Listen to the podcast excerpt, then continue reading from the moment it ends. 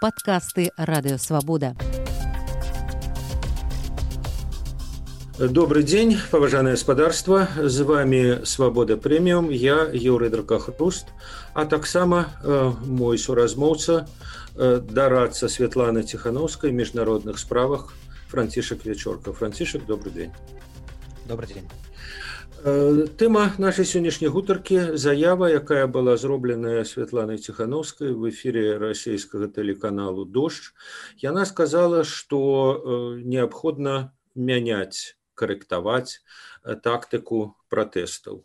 Э, Таму што э, рэпрэсіі ўзмацняюцца вот падчас апошняга маршу было затрымана тысячи чалавек это рэкордная колькасць столькі было 9 11 жніўня ў самыя цяжкія дні зараз столькі прыкладна захворвае на ковід ну вот э, так бы мовіць э, такая ж колькасць была затрыманая людзей і э, Святлана сказала что трэба карекцыя что над этой вядзецца вялікая праца і у праз пэўны час бліжэйшы магчымы час будзе агучана як бы урбе торбе вот это новая э, новая тактика. Э, ну я так разумею что э, может быть зарано як бы яе агучваць гэта справа першай асобы яе справа. Але может быть вы як бы дадзіце ну некае уяўленне про тое якія варыянты як бы прапрацоўваюцца асэнсоўваюцца на вот як у якім накірунку можа быць гэтая новая тактыка безумоўна. Ну трэба разумець што ў прынцыпе ёсць дзве асноўныя рухаючыя сілы пратэсту. Адзін гэта эканамічны пратэст другі гэта вулічны. І ўсё трымаецца безумоўна вакол вуліцы тому что вуліца ў нядзелю гэта масавы марш. Ён нясе такое тэрапеўтычнае аздараўляльнае матывуючае значэнне. Многія людзі ходзяць на гэтыя маршы каб падпітацца энергетыка іншых людзей. І калі людзі не могуць сабрацца разам у іх э, вось гэты прыліў адреналіну і пазітыву не наступае. І адпаведна вось гэтая такая дэпрэсія ад шэрасці ад амапу ад арыштаў яна зацягваецца. І апошнія некалькі тыдняў мы назіраем тактыку ўладаў калі яны просто не даюць людзям сабрацца бо разумеюць што гэтыя маршы шматтысячныя яны дапамагаюць ім рэабілітавацца перад наступным э, тыднем змагання. Эканамічны ж прэсінг эканамічны ціск гэта э, страйкі. Была спроба арганізаваць страйкі некалькі разоў. Памятаеце ад 9 жніўня і другое падчас народнага ультыматуму 26 кастрычніка. І страйкі як правіла успыхаюць але іх вельмі хутка ўлады гасяць масіўнымі рэпрэсіямі. Што трэба рабіць зараз? Зараз трэба паяднаць знайсці разумны балянс паміж вуліцай per якой людзі атрымліваюць зарадку вось гэтай мабілізацыйнай энергіі з аднаго боку і эканамічным пратэстам які паралізуе і аслабляе сістэму таксама важна э, наносіць удары праз кампанію так званая кампанія шеймінгу это называется name and shame. Это так званая чорная кніга беларусі пасобнікі рэжыму выяўлення мапаўцаў і чыноўнікаў якія бяруць удзел у злачынствах. Вось гэтыя тактыкі яны э, дапамагаюць аслабіць і раз'яднаць э, лукашэнкаўскіх лукашэнкаўскія сілы. Гэтая тактыка нейменшейм яна можа быць убудаваная ў асноўную стратэгію пратэста а можа адбывацца паралельна тое што мы назіралі апошнія тры месяцы францішек ну вот я не выключаю что нейкія крытыкі могуць сказаць что э, вот размовы нават размовамі пра змену тактыкі як бы э, ціхановская сама Э, сальеці злівае э, пратэст. Маўляў гэтага ж і хоча і ўлада і рэжым гэта гэта дарэчы казаў і воскресенскі як бы які зараз ужо стаў такі лезні э, альтэрнатыўны прэсавы сакратар лукашэнкі значыць які вот таксама казаў что давайте давайте спынем пратэсты ну так вот ці не атрымліваецца так что ціхановская як бы дзейнічае ў гэтым рэчышчы а ні слова пра адмену на нядзельных маршаў ці асноўных акцыяў пратэсту не было.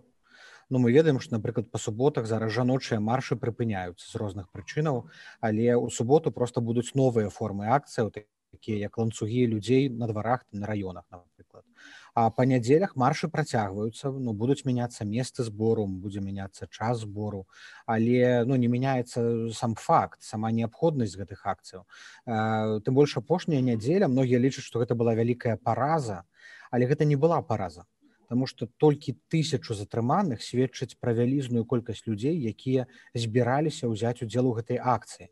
Было іх 30 тысячаў ці 100 тысячаў мы сказаць не можам.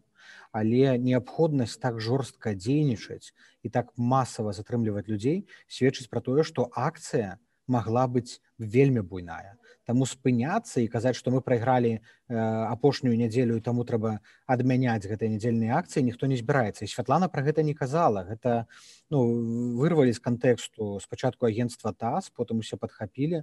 Але тактыка змена тактыкі можа быць толькі ва ўзмацненні ціску толькі ў наданні новых элементаў барацьбы толькі ва ўключэнні эканамічных спосабаў э, супрацьстаяння толькі на ўзмацненне можа ісці зараз э, э, кампаніі ні ў якім разе ну нельга адступаць ні на крок Ну і э, такі практычна такое практычнае пытанне вот вы э, так бы мовіць все ж таки зараз казалі і гаворыце як дарацца а калі так сказаць сама святлана можа больш выразна больш падрабязна агучыць все-таки вот вот вот як бы яе яе прапановы яе новае бачанне вось этой тактыкі. Калі это можа адбыцца?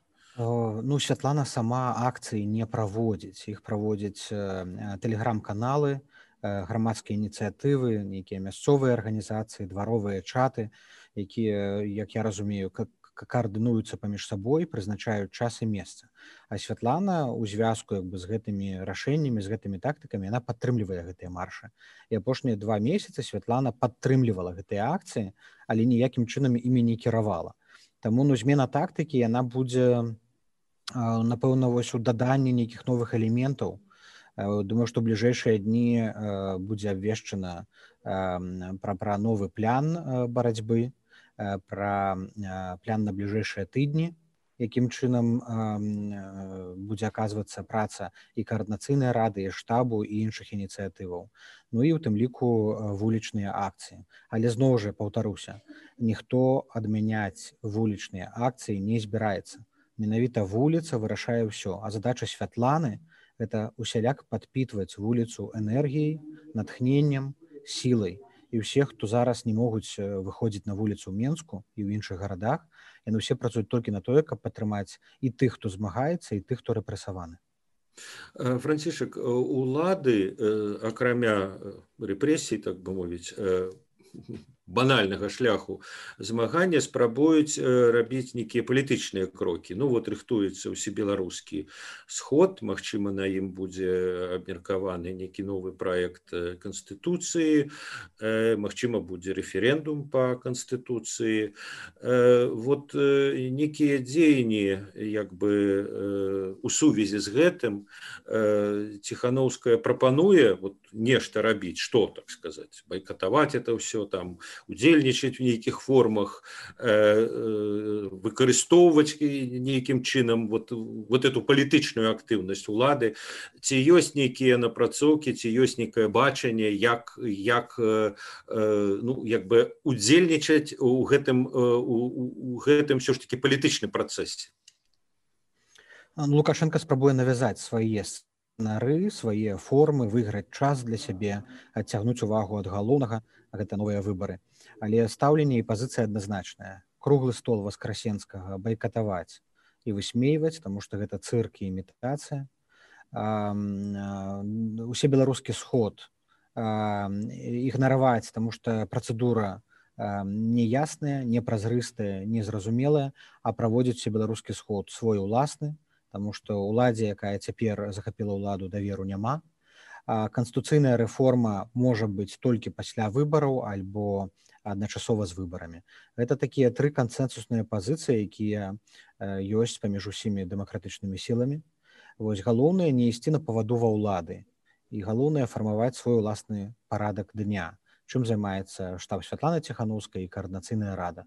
Цяпер улада нашмат слабейшай пазіцыі чым яна была раней.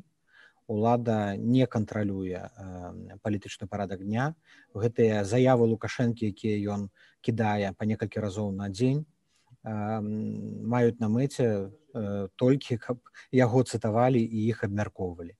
Калі гэтых заяваў не было бы то пра лукашэнку можа быць ніхто асабліва і не ўспамінаў ось а нам а нам трэба будаваць паралельна грамадзянскую супольнасць інфраструктуру якая дапамагае тым людзям якія працягваюць барацьбу узмацняць жывыя ініцыятывы якія паўсталі гэта страйкомы гэта дваровыя групы і чаты будаваць інтэлектуальны патэнцыял шукаць новыя кадры якія будуць прыйдуць на замену тым чыноўнікам ідэолягам якія сыдуць разам з лукашенко францішек А вот вы сказалі пра альтэрнатыўны ўсебеларускі сход.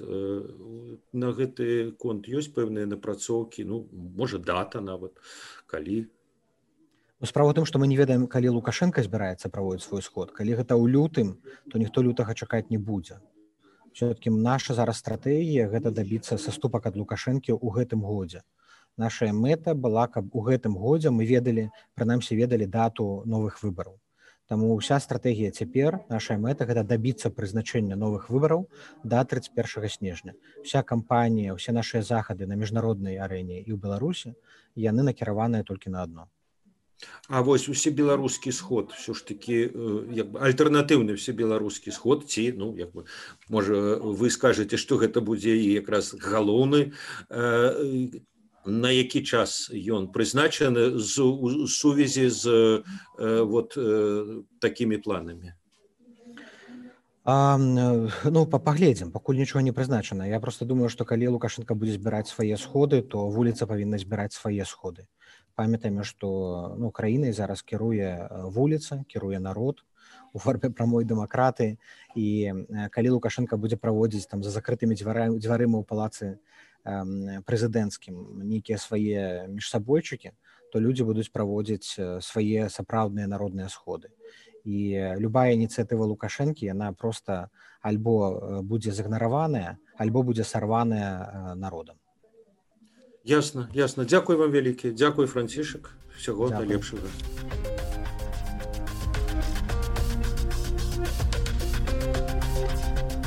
выслухали подкаст радыё свабода усе падкасты свабоды ў інтэрнэце на адрасе свабода кропка орг штодня у любы час у любым месцы калі зручна вам. Свабода кропка орг ваша свабода у